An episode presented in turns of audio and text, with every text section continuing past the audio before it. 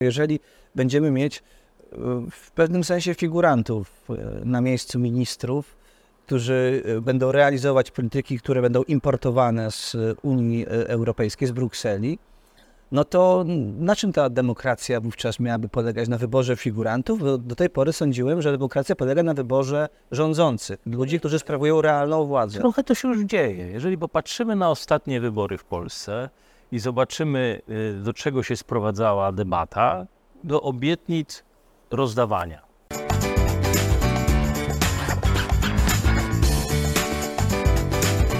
Cześć Tomku. Witam, witam.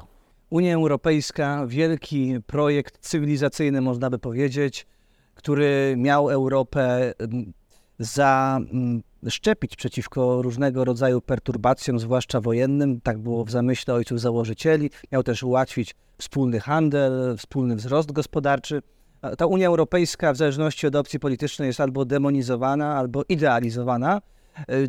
W przedwyborczym tym całym bigosie mieliśmy wyostrzone narracje a propos tej demonizacji i idealizacji, ale teraz po wyborach okazuje się, że temat wciąż żyje, bo e, Unia Europejska czy, czy też e, niektóre państwa chcą, dążą do tego, żeby przeformułować traktaty, trochę bardziej to wszystko scentralizować, więcej władzy przekazać e, na ten szczebel brukselski. Powiedz, czy mamy się tej Unii bać, czy się cieszyć, że jesteśmy znaczy, jej członkiem? Dla, dla Polski to jest niewątpliwie e, największe osiągnięcie w naszej historii. Jeżeli chodzi o e, jakość życia, poziom życia, dobrobyt, to w jakim tempie zbliżamy się do najbogatszych państw Europy, jeżeli chodzi o poziom bezpieczeństwa, oczywiście to nie jest tylko Unia Europejska, to jest również NATO, to jest niewątpliwie najbardziej największa gwarancja naszego dobrostanu. E, ale jak każde ciało i każda organizacja, a zwłaszcza tak skomplikowana, złożona teraz z 27 państw, e, zmienia się dynamicznie w stosunku do tego, co się dzieje na świecie. A to przecież nie jest zamknięta bańka Unia Europejska, tylko mamy wstrząsy na południu od Europy, mamy wstrząsy na wschodzie od Unii Europejskiej e, i w zasadzie cała Azja pulgocze, także nie ma możliwości, żeby to nie wpływało. No i wewnętrznie także te podziały się zmieniają, także te ilość euroentuzjastów do eurosceptyków także się zmienia i cała Unia ewoluuje. Także jest naturalnym, że państwo jako instytucja, czy tam organizacja państw będzie starała się do tego dostosować. I mm, dylemat, jaki przed nami postawiono, to jeżeli Unia Europejska ma się poszerzać, a tak naprawdę, jeżeli ma pozostać stabilna, ze swoim otoczeniem, to musi zareagować na konflikty na wschodzie, czyli albo Ukraina zostanie inkorporowana do Unii Europejskiej, czyli nadrobimy ten błąd, który był, że zostawiła, pozostawała w takiej szarej strefie, próżni i ta pustka polityczna spowodowała, że Rosja próbowała wykorzystać ten moment, zaakatować Ukrainę, także inkorporujemy. Coś trzeba zrobić z Turcją czy chcemy, żeby Turcja była Europą, czy chcemy, żeby Turcja była Azją i pozostawała cały czas w jakiejś sferze bliżej e, państw azjatyckich albo i Rosji. Także trzeba podjąć decyzję. No I, I niewątpliwie Unia Europejska musi się zmienić, e, żeby wessać kolejne, żebyśmy byli 30, 34 inne państwa. Unia Europejska wessała Polskę i innych e, kilka krajów z naszego regionu już prawie 20 lat temu. A że my już chcieliśmy wejść, tak? To nikt tak. nas nie zmuszał, tak. E, tu było referendum, nie było wątpliwości, czego większość społeczeństwa chciała. No ale Unia Europejska właśnie sprzed 20 lat to jest inna europejska w sensie układu sił gospodarczych niż Unia Europejska 2023. E, I wydaje mi się, że jest pewien rozjazd pomiędzy tym, kto w Unii podejmuje decyzje, czy kto ma największy wpływ, a e, właśnie tym, jak ona się zmieniła, czyli te centrum, e, to centrum decyzyjne nie przesuwało się razem z ewolucją gospodarczą, co widać właśnie po tych propozycjach e, obecnie dotyczących zmian traktatów, które są wysuwane na bazie raportu niemiecko-francuskiego, czyli tak jakby właściwie Unia była mm, wciąż w, na tym etapie sprzed 20-30 lat, gdy to były faktycznie jedyne liczące się państwa y, na naszym kontynencie. Uważasz, że jest w ogóle szansa, żeby Polska i czy kraje regionu w jakimś bloku także uzyskały wpływ na, na decyzje podejmowane w Brukseli? No na pewno, bo to że wpływy każdego państwa y, są zależne trochę od ich wewnętrznej siły, ale faktycznie y, mamy taki dość zamrożony układ polityczny, czyli ta ten, e, ta oś francusko-niemiecka, która pozostaje najsilniejsza i decyzyjna. I jeżeli mm, e, na chwilę odsuniemy ten takie mambo jumbo, całą taką dyskusję o tym, z jakich powodów powstała Unia Europejska, że po to, żeby nigdy więcej w Europie nie było wojny, żeby był pokój i żeby ludzie w dobrobycie budowali przyjaźnie ponadnarodowe i zastanowimy się, dlaczego Unia Europejska powstała i dlaczego właśnie w 1952 roku, to zobaczymy, że ten projekt, fantastycznie to swego czasu opisał Timothy Schneider, ten projekt nie miał wiele wspólnego z pokojem.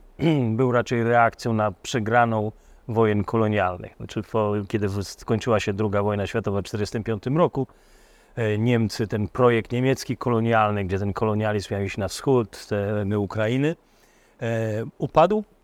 To zostały jeszcze co najmniej trzy państwa kolonialne, to była Francja, Włochy e, i Wielka Brytania, które do właśnie lat 50. toczyły jeszcze wojny kolonialne, walczyły o swoje ziemie, czy to w Palestynie, czy to w Libii, czy to w Indiach, w Indochinach i próbowały utrzymać e, te tereny jako swoje skolonizowane.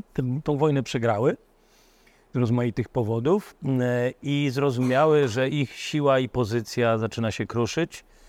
To była ucieczka do przodu. I Francja, potem także z czasem Wielka Brytania, ale i Niemcy e, postanowiły jakby znaleźć rozwiązanie, czyli zbudować wspólną synergię. podzielić się trochę Y, suwerennością, niezależnością, w zamian za to, że świat dalej będzie musiał ich się słuchać, że powstaje silna Czyli stworzyły Europa. sobie taką protezę tej swojej dawnej potęgi kolonialnej. Tak. Czyli mocarstwo, kolonializm jest jakby e, e, prazałożycielem e, Unii Europejskiej. To wszystko jakiegoś rodzaju postęp, ponieważ członkostwo w Unii Europejskiej jest dobrowolne w przeciwieństwie do bycia skolonizowanym. No, oczywiście. Znaczy to z jednej strony dawało siłę, z drugiej strony był jakiś pomysł wyprowadzenia Niemiec e, e, z tego, z tej zapaści, izolacji powojennej. E, I to była oczywiście także odpowiedź na rosnącą potęgę rosyjską, czyli tego Związku Radzieckiego, który sięgał w tej chwili już do Odry E, i później także do Berlina, jeżeli chodzi o Niemcy wschodnie. I istniały poważne obawy, że będzie dalej się rozprzestrzeniał i będzie dalej e, interweniował w Europie. No i Stanów Zjednoczonych, których potęga też była nie do podważenia i które w jakiś sposób wasalizowały ekonomicznie Europę. Tylko chyba tylko te e, mocarstwa europejskie, które stworzyły Unię, nie przewidziały, że tworzy organizm, który pozwoli rozwijać się bardzo szybko innym krajom i te kraje też razem z rozwojem gospodarczym będą mieć coraz większe ambicje i aspiracje no to tak, rządzenia. Tylko, nikt nie przewidział tak naprawdę e, upadku Związku Radzieckiego i nikt nie przewidział, że Unia Europejska tak bardzo się rozszerzy i będzie E, tak skomplikowanym czyli, czyli Francja. Niemcy nie zakładały i Włochy nie zakładały, że kiedykolwiek staną przed perspektywą, że mogą te wpływy utracić. Nie, to raczej była y, konstrukcja na wypadek, gdyby to Rosja y, zechciała iść do przodu, tak? czyli atakować e, Zachód, czy w jakiś sposób e, wchłaniać kolejne państwa Europy Zachodniej, Austrię, Finlandię czy inne kraje. Także to, to był pomysł defensywny, e, ale oczywiście taki, który i, i, mądrość tego projektu początkowego była, że musi on być oparty na sile gospodarczej. Znaczy, że Europa, żeby obronić się czy to przed wasalizacją gospodarczą, czy militarną ze wschodu, musi być po prostu potęgą gospodarczą. I to działało przez długi czas. Fantastycznie działało. Niemcy jakby zrobili swój własny projekt, który mówi, że będą starały się gospodarczo uzależniać Rosję, tak żeby ona mm, e, im bardziej będzie związana z Niemcami, tym bardziej będzie mm, niechętna jakiejkolwiek interwencji. Trzeba przyznać, że ten projekt prowadzony mm, właściwie od Willego Brandta, jeżeli chodzi o Niemcy od 70 roku, potem w 71 Willy Brandt jest w Warszawie, klęka przed e, grobem e, pomordowanych e, i, i Holokaustu i powstaje taka sposób kohabitacji, że tak powiem, wschodu z zachodem. I to są najlepsze lata Unii Europejskiej. Nas tam wtedy niestety nie było, ale to jest najlepsze lata 60., 70. 70. najlepszy okres rozwoju y, Unii To teraz Europejskiej, przewijmy to kiedy jest znowu wspólnota europejska, tak? Wspólnota węgla i stali, wspólnota towarowa. przede wszystkim gospodarka, przede wszystkim współpraca gospodarcza. To przewijmy teraz to znów do dnia dzisiejszego i spójrzmy raz jeszcze na te propozycje zmian w traktatach. Czy można na nie właśnie patrzeć jako na propozycje jakby takie trochę desperackie y, powrotu do tego poziomu wpływu Francji, Niemiec, Tak. jaki miały u zarania Unii Europejskiej? Jest kolonializm, jeżeli tam to był kolonializm B, to to jest kolonializm C. Znaczy, to oczywiście nie ma nic wspólnego z kolonializmem takim, jak znamy, podbijaniem i e, terroryzowaniem ludności. Natomiast jest to o tyle podobny model, że Niemcy i Francja, które coraz bardziej zapadają się w sobie, jeżeli chodzi o możliwości konkurencji, rywalizacji z Zachodem, ich pozycja także jest coraz słabsza, jeżeli chodzi o e, samą Europę i wpływy, czy to na wschodzie Europy, czy to na południu Europy, ma coraz e, większa e, trudności z nieutrzymaniem swoich przewag konkurencyjnych, które zbudowane były na eksporcie technologii, która powstawała w oparciu o tani import, czy to z Chin, czy to energii z Rosji, czy to z Europy Środkowej i Polski. Ten model się y, rozpada, także trzeba szukać jakiegoś pomysłu. I pierwsze, co trzeba, oczywiście pogratulować i Paryżowi, i Niemcom, że myślą, że zastanawiają się, jak z tego wyjść. Rozumieją, widzą pewną zapaść i chcą w imieniu swoich e, obywateli, swoich narodów bronić swojej pozycji. I obrona tych pozycji polegałaby na tym, żeby wykorzystywać przewagi, które Francja i Niemcy mają jeszcze, czyli wielkość, czyli duże, liczne, najliczniejsze kraje w Europie, Francja e, i Niemcy, e, tak będą chciały ułożyć konstrukcję europejską, żeby utrzymać tą przewagę w głosach i móc forsować w dalszym ciągu rzeczy, które będą korzystne, rozwiązania, które będą korzystne dla Niemcy, nie, To Niemiec i zniesienie, proponowane zniesienie prawa weta w 60 bodaj 5 przypadkach, w tym takich e, kluczowych jak polityka zagraniczna, jak obronność, jak polityka fiskalna. E, Ty jesteś e, w EKES-ie, czyli w ciele, do, ciele doradczym Unii Europejskiej, można tak rzec. Na ile to są prawdopodobne propozycje, że faktycznie dojdzie do, do zniesienia tego prawa weta? że narracja jest taka, że jeżeli Unia Europejska ma się poszerzyć o dodatkowe państwa, a generalnie wola polityczna jest i to już jakby w świadomości większości e, e, e, Europejczyków, bym powiedział, ale na pewno w Brukseli, jest, że Ukraina będzie tym e, członkiem Unii Europejskiej, jest, że musi ona się zmienić. Musimy usprawnić system e, działania.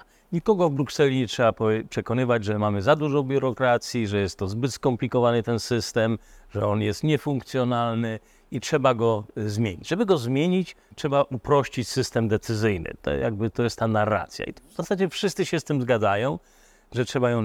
Pytanie jest, mm, w jaką stronę chcemy No, zmieniać. najprostszy system decyzyjny mają tyranie. Tyran decyduje o wszystkim i jest to dosyć proste. Robimy to w imię demokracji, szerzenia i budowy e, współpracy, utrzymania suwerenności, o czym mówi Macron, czyli dalej ten, ta suwerenność wraca z lat jeszcze 50.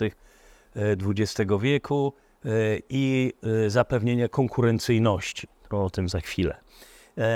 I te wszystkie te filary mają zostać i ma, dlatego e, musimy być e, sprawniej działać. I mowa jest o federalizacji, chociaż to słowo jest tak trochę ukradkiem przemycane, mówię o federalizacji.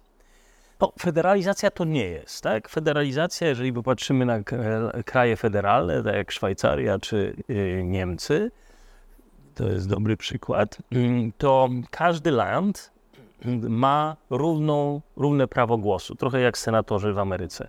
Czyli mm, każda mm, y, y, każdy kanton, czy każdy land, land w Niemczech ma równą prawo głosu, prawo głosu po tym podejmowaniu decyzji. Tutaj nie ma mowy o równych prawach głosu, one będą proporcjonalne do liczby e, mieszkańców, czyli to jest bardziej jak republika, trochę jak w Stanach Zjednoczonych. E, e, I to gwarantuje większość e, Francji i Niemcom E, przy możliwości oczywiście, żeby wszystkie inne kraje się dogadały między sobą, to prawdopodobnie może dojść do zablokowania jakichś decyzji, ale prawdopodobieństwo, że wszyscy w jednej sprawie się porozumieją, a e, będą Niemcy i Francja innego zdania, jest niewielkie. Także y, to daje jakby Niemcom Francji przewagę i mm, forsowanie swoich konceptów. Oczywiście dzisiaj e, różnice między Niemcami a Francją są też bardzo duże. To nie jest tak, że tam nie można wbić klina i że w ramach dyskusji w Unii Europejskiej e, do tego by nie doszło. No, i że możliwe, że inne kraje mogłyby rozegrać je między sobą w kwestiach choćby e, energii atomowej. Prawda? Także to może się dziać, aczkolwiek to jest obawa wielu państw, że jakby jedno zdanie będzie narzucane. No ale to, na tym się może skupmy na chwilę. No bo można powiedzieć, że to źle z punktu widzenia takiego kraju jak Polska, no bo wiadomo, y, ogranicza naszą taką wewnętrzną sterowność jako kraju. Nie możemy powiedzieć nie danym inicjatywom europejskim, y, tym, na którym najbardziej zależy Brukseli, a dla nas są naszym zdaniem najbardziej szkodliwe. Okej, okay. ale w praktyce, jak sobie przejrzymy to, jak nasze rządy, nie tylko ostatni rząd, ale też poprzednie, podchodziły do polityk europejskich, to poza tą taką fasadą na narracji, y, być może czasami wrogiej Unii, w większości przypadków, w zdecydowanej większości tych najbardziej kluczowych przypadków, klepały tą, tą politykę unijną, naciskając Enter i wdrażały ją. Czy to jest polityka klimatyczna, czy energetyczna.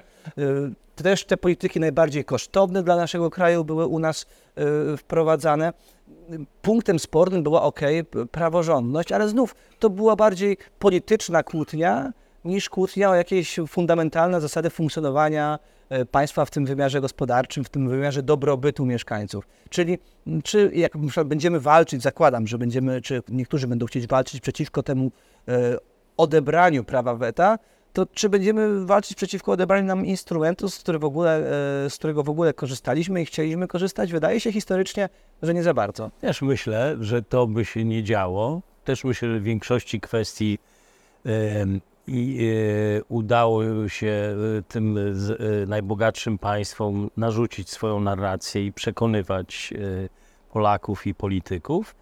Y, opozycja, jeżeli się będzie gdzieś pojawiała, to myślę, że ze strony klasy politycznej, która straci na znaczeniu znacząco. Ponieważ taki minister rolnictwa już dzisiaj w zasadzie nie podejmuje żadnych decyzji. Tylko urzędnikiem od realizowania dyrektyw. Tak, znaczy będzie trochę jak y, osoba odpowiedzialna, odpowiedzialna jak, y, nie wiem, wojewoda, tak?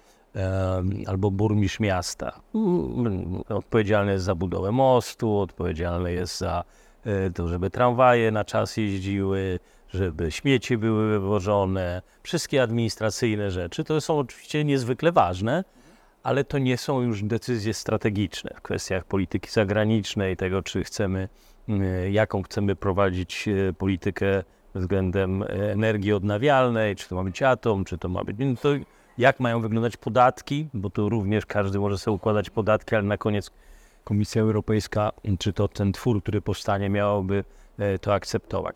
Także myślę, że tutaj opór, jak na ironię, będzie nie ze strony obywateli, którzy nie zobaczą większej różnicy, i tu się zgadzam, natomiast klasy politycznej.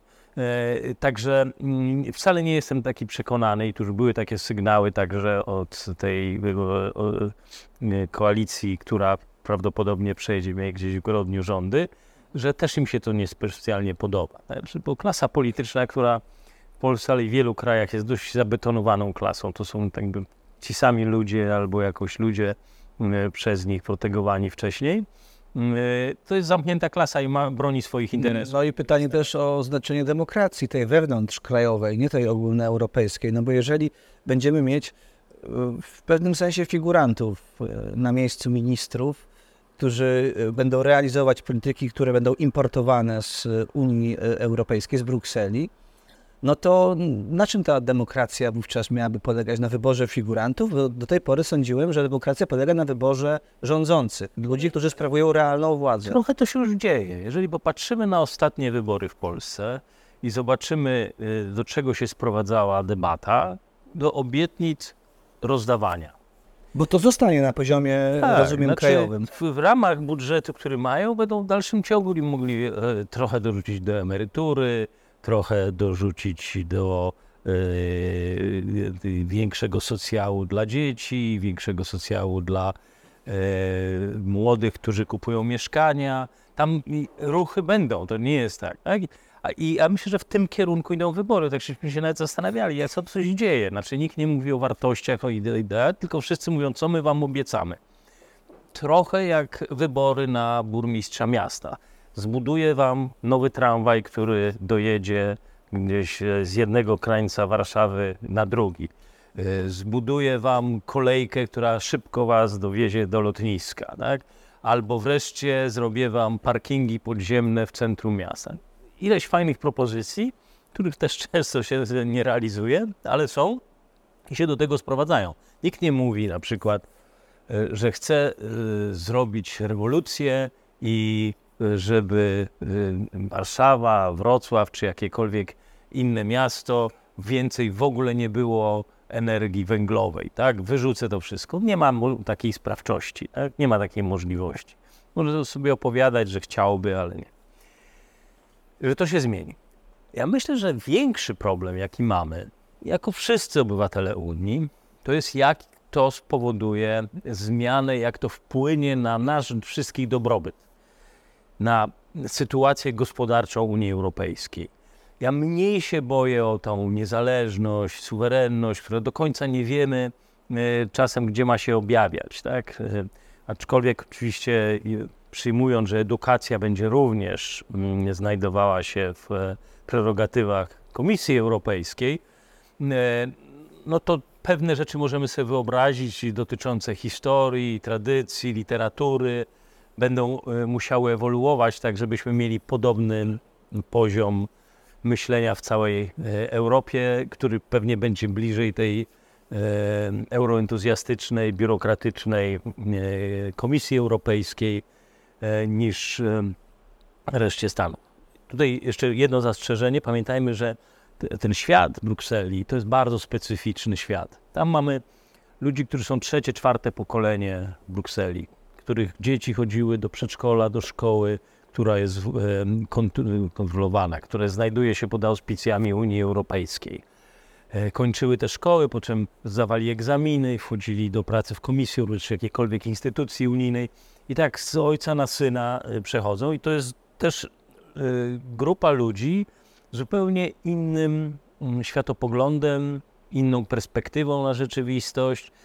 Mają ogromny wpływ, na ogromny wpływ na to, czym my się zajmujemy, co jest ważne, na ten język, jakim się posługujemy, em, a bardziej na rzeczy, którymi, o których nie mówimy, czyli izolowanie niektórych tematów. Tak? To bardzo Unia Europejska robi. O niektórych rzeczach nie rozmawiamy, tak? czyli e, jeżeli kilku, trzech, czterech posłów zostaje, dostaje, głosowanie jest w Parlamencie Europejskim, żeby e, ich wykluczyć e, za to, że zalajkowali materiał o zachowaniach takich brutalnych emigrantów, no to to jest tamta perspektywa. O pewnych rzeczach w ogóle nie mówimy. Nie rozmawiamy o tym, co często dzieje się na ulicach w Szwecji, nie rozmawiamy o tych gwałtach. E, Nie mówię, że nie powinno się tego demonizować, nie mówię, że ten spot był właściwy, tak?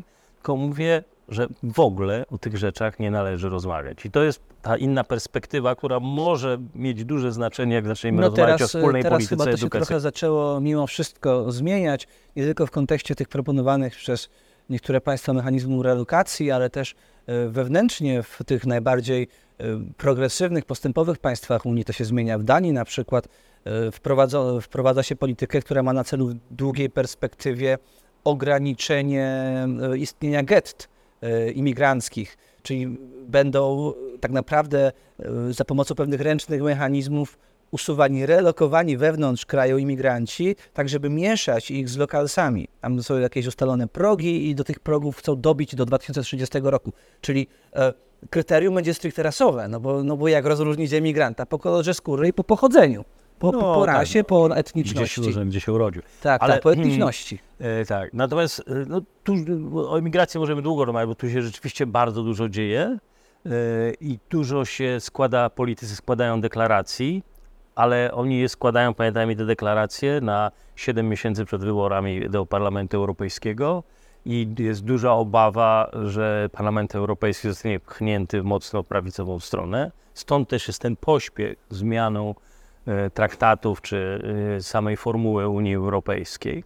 E, I skąd dlate, dlatego to, to wygląda tak, jak wygląda, i w grudniu ma być to mm, kwestia w sumie. A, ci, a te prawicowe rządy w ramach Unii Europejskiej no, nabra, nabawiły się pewnego takiego niepokojącego rysu po agresji Rosji na Ukrainę. Mamy y, Węgry, które przez lata, powiedzmy sobie, stanowiły, y, były naszym takim najbliższym sojusznikiem w tej polityce europejskiej. Teraz widać, że w takich kluczowych kwestiach związanych z bezpieczeństwem nasze perspektywy się rozjeżdżają. Mamy Słowację, Fico, kto znowu wygrał te wybory i Jeden on jest e, prawicowy, ale też na pewno nie jest mile widziany w, na salonach w Brukseli.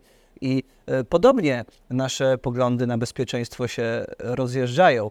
Może, stawiam tezę roboczo, e, może jest tak, że faktycznie trzeba to gdzieś z zewnątrz koordynować, bo przy tej ilości członków, jak mamy już 27, na perspektywie 29, może więcej członków, no to możemy skończyć jako Unia, Unia Europejska jako ta Polska szlachecka, gdy y, jeden y, będzie blokował wszystkich innych. Zgoda, że Unia Europejska powinna y, być bardziej koherentnym, bardziej spójnym ciałem podejmowania decyzji. Widzieliśmy to teraz w przypadku polityki zagranicznej i próby wypracowania jednego stanowiska w sprawie Izraela i Gazy, jak nam to szło, tak? jako Unii Europejskiej słabo. Natomiast e, jest ileś procesów, które ojcowie założyciele Unii, o których mówili, powinniśmy przejść, żeby społeczności europejskie czuły się komfortowo ze stworzeniem centralnej e, władzy wybieralnej. I kilka z nich, które e, w normalnych federacjach już funkcjonują. Jeden z nich to jest na przykład mechanizm solidarności. Ja wiem, że w Unii Europejskiej dużo się mówi o solidarności, on się odmienia przez przypadki, ale w rzeczywistości ten mechanizm nie działa. Kiedy mm, Grecja popada w tarapaty e, ekonomiczne, e, spotyka się Fundusz Walutowy, Europejski Bank Centralny i pożycza, decyduje się prolongować kredyty Grecji w zamian za to, że sprzedają kilka wysp, sprzedają port, zresztą e, Chińczykom w Salonikach, sprzedają y, y, udziały w funduszach emerytalnych, tną te fundusze emerytalne, czyli mówią do ludzi, to wy zaciskajcie pasa. Kiedy Kalifornia wpada w tarapaty, nikt nie przychodzi i mówi, dobra, to teraz oddawajcie z wasze wybrzeże, które będziemy teraz my sprzedawać za wasze długi, odbieramy mm, e, Wam e, prawa na przykład do podbierania podatków w jakimś mieście, e, czy ograniczamy Wam renty i emerytury. Nie. Rząd federalny przychodzi i mówi, ile jesteście winni, wykłada te pieniądze i potem kolejny, pewnie kolejne społeczeństwo zmienia rząd, władzę w, w Kalifornii, wprowadza się jakiś program, no bo to oczywiście oznacza wyższe podatki w Kalifornii, ale generalnie e, zasada solidarności polega na tym, że e, cały naród, całe państwo, wszystkie stany odpowiadają za te długi. Kiedy w Nowym Orleanie wybucha katastrofa w postaci huraganu, niszczy połowę miasta, ludzie nie mogą się wydostać, potem się ich wywozi, jest e, pomoc ratunkowa i ona rzeczywiście przychodzi od FEMY, czyli od federalnego rządu, ale potem miasto odbudowywane jest z federalnych pieniędzy. Kiedy mamy pożary we Włoszech, w Hiszpanii, w Grecji, przyjeżdżają czasem z pomocą strażacy, ale państwo musi odbywać się samo dostaje jakąś szczątkową pomoc z Unii Europejskiej, ale nie ma elementu solidarności. Kiedy wybucha e, pandemia, kiedy nie bra brakuje już maseczek i strojów ochronnych w włoskich sklepach. Włosi jadą do Monachium, żeby kupić maseczki. Przed Włochami zamyka się apteki, bo muszą być dla Niemców. To nie jest mechanizm solidarności. Nikt, kto wyjeżdżał z jednego stanu do drugiego, żeby kupić w Ameryce maseczki, przed nikim nie zamykał e, drzwi do apteki. E, to nie działa. Drugi mechanizm, który e, nie, nie działa, to jest dotyczący, o tym dawno się mówiło, czyli jakby wspólnej polityki finansowej i Unii Bankowej. Tak? To nigdy nie powstało, dużo o tym się mówiono i nie powstało. Trzeci mechanizm, którego nie mamy, to e, specjalizacje, specjalistyczne zawody i wymo lokalne wymogi e, do wykonywania pracy. Tak? Czyli hydraulik z Polski nie może wykonywać pracy w Niemczech. Bo nie ma certyfikatu jakiegoś certyfikatu. Był, mogę za chwilę odpowiedzieć, był wielki projekt, żeby połączyć te certyfikaty. Powstała nawet karta certyfikatów, ale to nigdy się nie udało tego przeprowadzić. Tak? Nie ma możliwości, żeby hydraulik pracujący w Alasce pojechał do Teksasu i nie mógł nie. Ktoś może powiedzieć, że to dobrze, bo wtedy wszyscy polscy specjaliści wyjechaliby od razu pracować właśnie w Niemczech albo w Szwecji czy w innych krajach. Może, a może ceny by się tak zmieniły, żeby y, tutaj przyjeżdżali z innych krajów. Kiedy, teraz, kiedy Polska już ma blisko 80% średniej e, PKB Y, na głowę Unii Europejskiej, to już nie jest aż taki problem. Tak? No możliwe, że przyjeżdżaliby Grecy, Portugalczycy, hydraulicy. Kolejny, czwarty y, problem dotyczy, i to jest nie wiem, czy nie najważniejszy, kwestii ratyfikacji dyrektyw dotycząc, dyrektywy dotyczącej wymiany usług. Kiedy powstawała Unia Europejska w 1952 roku, to była gospodarka przemysłowa, w większości wymiana towarów. Węgiel i stal, twarde produkty, wiadomo, ileś waży, węgiel i stal. I to była wspólnota węgla i stali, towarowa. Od tej pory Europa i świat się zmienił. E, trzy czwarte, mm, e, trzy czwa, dwie trzecie, przepraszam, dwie trzecie PKB Unii Europejskiej to są usługi finansowe, rynkowe, rozmaite usługi i nie mamy ratyfikowanych dyrektyw większości państw dotyczących e, e, usług. W związku z tym nie mamy Amazona e, europejskiego. Największa platforma dystrybucji i handlu e, w Europie to jest Amazon. Największa platforma dystrybucji europejskich firm to jest Netflix największa y, y, fil, y, filmów, tak. A jeżeli muzyki, to też. Także nie po bo, bo każdy kraj ma inne przepisy, inne zasady. Czyli ta Unia ekonomiczna wciąż jest w dużej mierze fikcją. Jeżeli ktoś chce kupić samochód w Stanach Zjednoczonych i szuka dobrego kredytowania, wchodzi na internet i mieszka w Teksasie, ale znajduje fajny kredyt w Alasce. I bierze pożyczkę na Alasce, chociaż nigdy w życiu tam nie był i pewnie nie będzie. Jeżeli ktoś bierze kredyt, jeżeli ktoś kupuje samochód w Polsce, to nie może wziąć kredytu w Czechach, jeżeli ten bank nie jest zarejestrowany w Polsce. Nie może go wziąć w Portugalii, Portugalczyk w Polsce. Nie ma konkurencji rynków finansowych. I e, to wszystko powoduje, że my nie tylko zostajemy w tyle za Ameryką, my w tyle zostajemy za krajami azjatyckimi. Poziom e, e, ratyfikacji umów wymiany usług między Wietnamem a Indonezją jest większy niż między Francją a Niemcami. Te kraje były w stanie to już wypracować. W związku z tym e, my mówimy o Europie, która wprowadza rozmaite mechanizmy polityczne, żeby się łączyć, żeby wzmacniać władze Berlina i Paryża, nie wprowadzając tych czterech czy pięciu bardzo podstawowych elementów, które mogłyby spowodować, że ludzie rzeczywiście zobaczył wartość się, tej Unii, prawda? Poczuliby się obywatelami, że my mamy wspólne interesy. Może Unia staje się taką e, Japonią, dorobiła się pewnego bogactwa, spoczywa na laurach. Ostatnio odkryłem ku swojemu zaskoczeniu, że Japonia, która nam się w Polsce wydaje jakimś hiperbogatym państwem, hiperbogatym państwem, jak zapyta się przechodnia e, na ulicy, czy e, Japończyk przeciętny jest znacznie bogatszy od Polaka, to na 100% powie, że jest. Otóż, owszem, jest bogatszy, ale ta różnica staje się marginalna.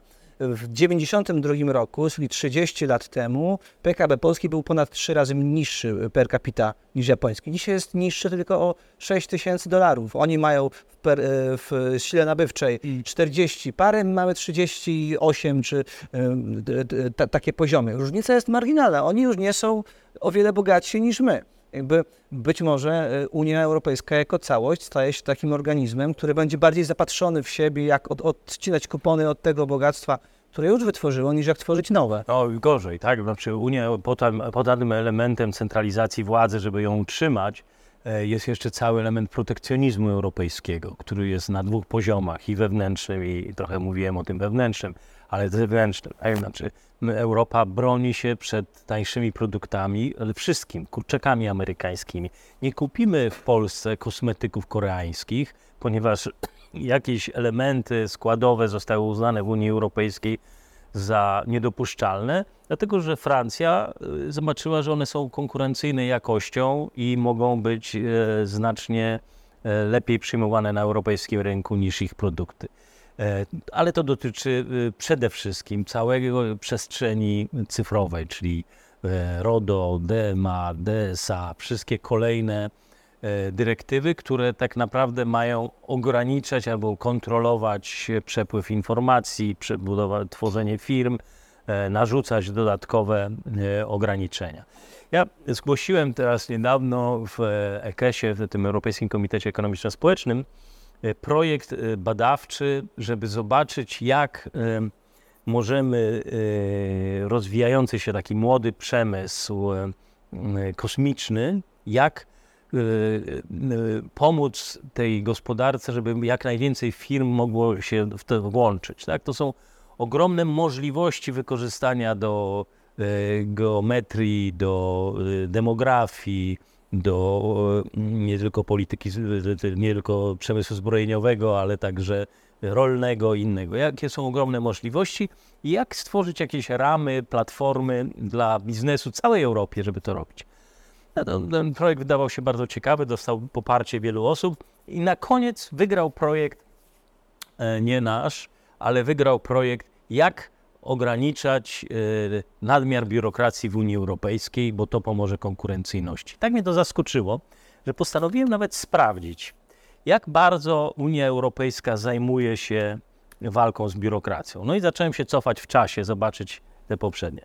I jak w 1996 roku Europa, e, kiedy zdała sobie sprawę, że świat jej już ucieka i że mm, nie, nie jest e, ciężko jej gonić Amerykę, Wtedy PKB e, na głowę mieszkańca Unii wynosiło 94% PKB na głowę Stanów Zjednoczonych.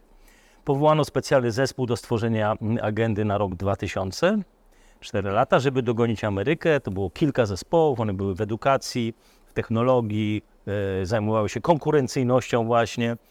E, no i kolejny mój obszar ulubiony, czyli właśnie cięcie biurokracji. Powstał taki zespół, który się nazywał SLIM, Y, chudy, ale tak naprawdę to jest skrót od zespołu, który powstał, od, do odbiurokratyzowania Unii Europejskiej. Przeanalizowano 14 rozmaitych obszarów e, i napisał go e, końcowy taki raport konserwatysta holenderski, eurodobytowany, załamany raczej tymi pracami, mówiąc, że do niczego nie prowadzi. Napisał tak, e, i to puentę sobie wynotowałem, albo prawo jest tak genialne, że nic się nie da już uprościć, Unii Europejskiej, albo życie nie przystaje do prawa i prawo nie ma znaczenia. I to była jego puenta tego projektu. I jeszcze co zwrócił uwagę, co ciekawe, że jedna z przeszkód od y, przygotowania raportu na temat zbiurokratyzowania były procesy biurokratyczne wewnątrz samej instytucji. Czyli biurokracja zaszczepiła się przeciwko odbiurokratyzowaniu, można powiedzieć. Cztery lata mijają. I y, to jest tak sławny ten projekt y, Lizbona 2000 mm, E, i e, postanawia Unia Europejska, Komisja Europejska, państwa zwiększyć wysiłki w celu rozwiązania problemu nadmiernie uciążliwej biurokracji. Postanawiają wykorzystać ten projekt e, SLIM do odbiurokratyzowania. e, i w celu, żeby dogonić, e, Po czterech latach od przeprowadzenia projektu. dogonić tak. e, Amerykę. Wtedy PKB Unii w stosunku do, e, do PKB na głowę w Ameryce już jest 93% Stanów Zjednoczonych.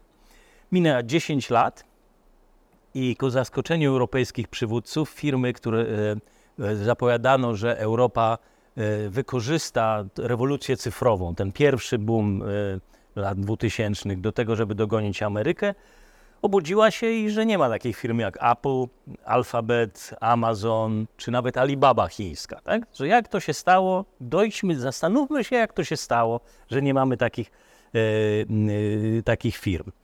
E, w pierwszej dziesiątce wtedy najlepszych uczelni europejskich, na których stawiało się, były e, trzy europejskie.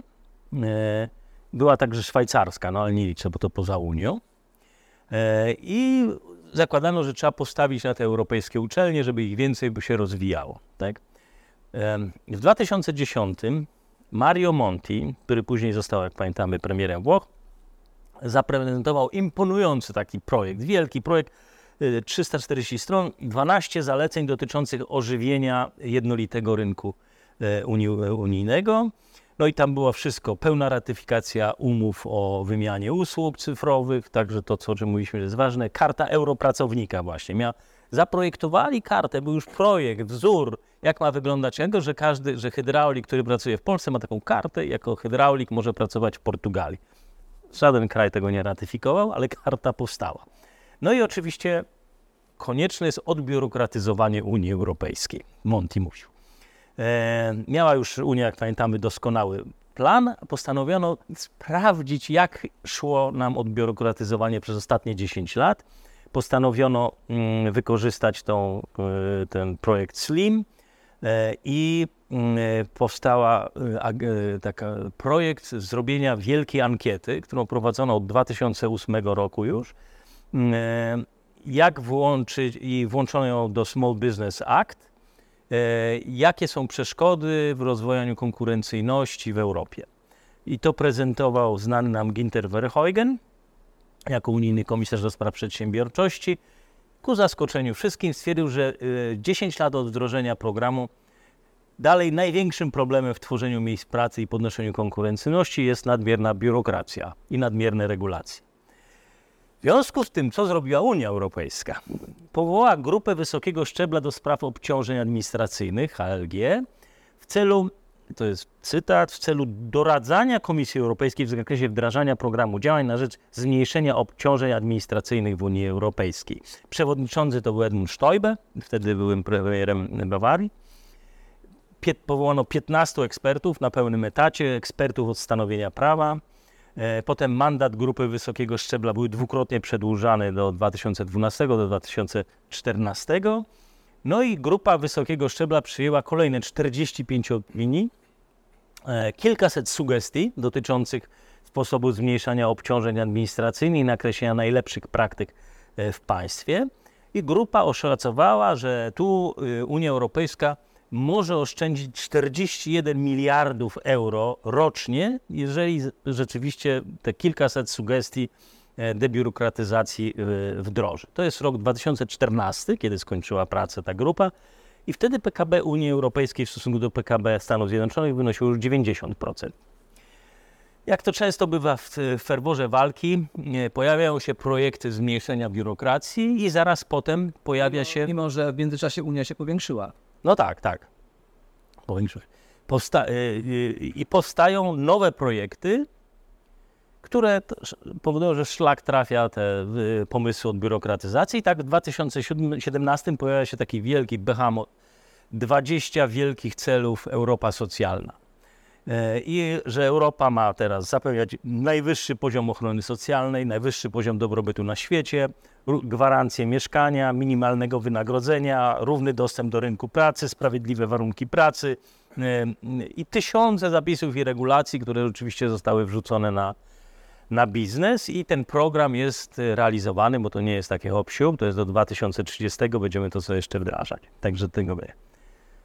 W 2017 PKB Unii Europejskiej do PKB Stanów Zjednoczonych już było 82%. 10 punktów w dół. Zanim jeszcze, to jest zanim jeszcze pojawił się na horyzoncie Green Deal, tak? E, potem mieliśmy ogromne interwencje państwa, e, no ale oczywiście y, później była seria kryzysów, kryzys 2008, a potem jest pandemia. E, państwa wykładają coraz więcej pieniędzy, żeby ratować społeczeństwa. I od czasu globalnego kryzysu finansowego 2007-2009 Właściwie e, e, Unii, e, Unia Europejskiej zajęło 10 lat tak naprawdę, znaczy łącznie, na odzyskanie poziomu dobrobytu sprzed, pan, sprzed kryzysu 2007-2009. Hiszpania i Portugalia mm, właśnie to 10, a Włochy i Grecja nigdy, nigdy nie wróciły do tego poziomu. Jak wybuchła pandemia COVID, Stopa wzrostu w strefie euro pozostała już bardzo znacznie poza Stanami, dochodziła do 70% PKB Stanów Zjednoczonych. I wychodziła z Europa z COVID-u znacznie dłużej niż Stany Zjednoczone i Wielka Brytania, mimo że Wielka Brytania bardzo ucierpiała i w kryzysie, i e, w COVID-zie. E, w 2012 ówczesny jeszcze prezes EBC Draghi powiedział, że zrobi wszystko, co trzeba, by uratować euro i euro zostało uratowane. Ale poziom życia w Europie, jakby rozwój Unii Europejskiej, tego się nie udało. Niemcy i cała e, strefa e, euro miały poziom 0% wzrostu. W czasie wybuchu pandemii w zasadzie Unia Europejska zatrzymała już się w rozwoju. Także to jeszcze nie przed COVID-em, to nie COVID. Mm, e, Austria, Francja i Włochy miały PKB mniejsze przed COVID-em niż jeszcze e, przed kryzysem 2007 roku. E, no i pojawiły się problem, co jest tego przyczyną. Zrobiono ankietę i w 2022 75% mieszkańców uważa, że Unia jest przeregulowana i nadmiernie zbiurokratyzowana, co powoduje, że yy, zamiast się rozwijać, yy, stoi w miejscu. Nie skończyłem. Powstaje nowy program. Mógłbym to, długo to ciągnąć, ale także o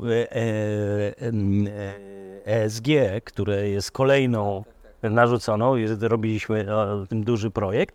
Natomiast obecnie nie wiem, co Włosi mają z tym wspólnego, ale powstaje nowy mm, projekt, y, czyli jak walczyć z, y, jak walczyć z biurokracją i, z i podnosić konkurencyjność. Ma być ogłoszony y, w marcu przewodniczącemu projektowi Włosi. I dzisiaj wzrost w strefie euro pozostaje w tyle za wzrostem Stanów Zjednoczonych. Jeśli mają coś odbiurokratyzować, to życzę powodzenia. Powinno się oddać tutaj pałeczkę Estonii na przykład, która to potrafi robić skutecznie i nie było. Komukolwiek, e, a może Amerykanom. Od 1995 roku realny produkt krajowy brutto Stanów Zjednoczonych wzrósł o 90%. Realny wzrost w strefie euro, w strefie euro, czyli tej najbogatszej części, 50%. Teraz populacja Unii Europejskiej to jest dzisiaj 45, 450 milionów, Stanów Zjednoczonych 332. W ujęciu dolarowym Unia to 65% wielkości gospodarki USA. Ale mówimy o strefie euro czy o całej Unii teraz? E, o całej Unii.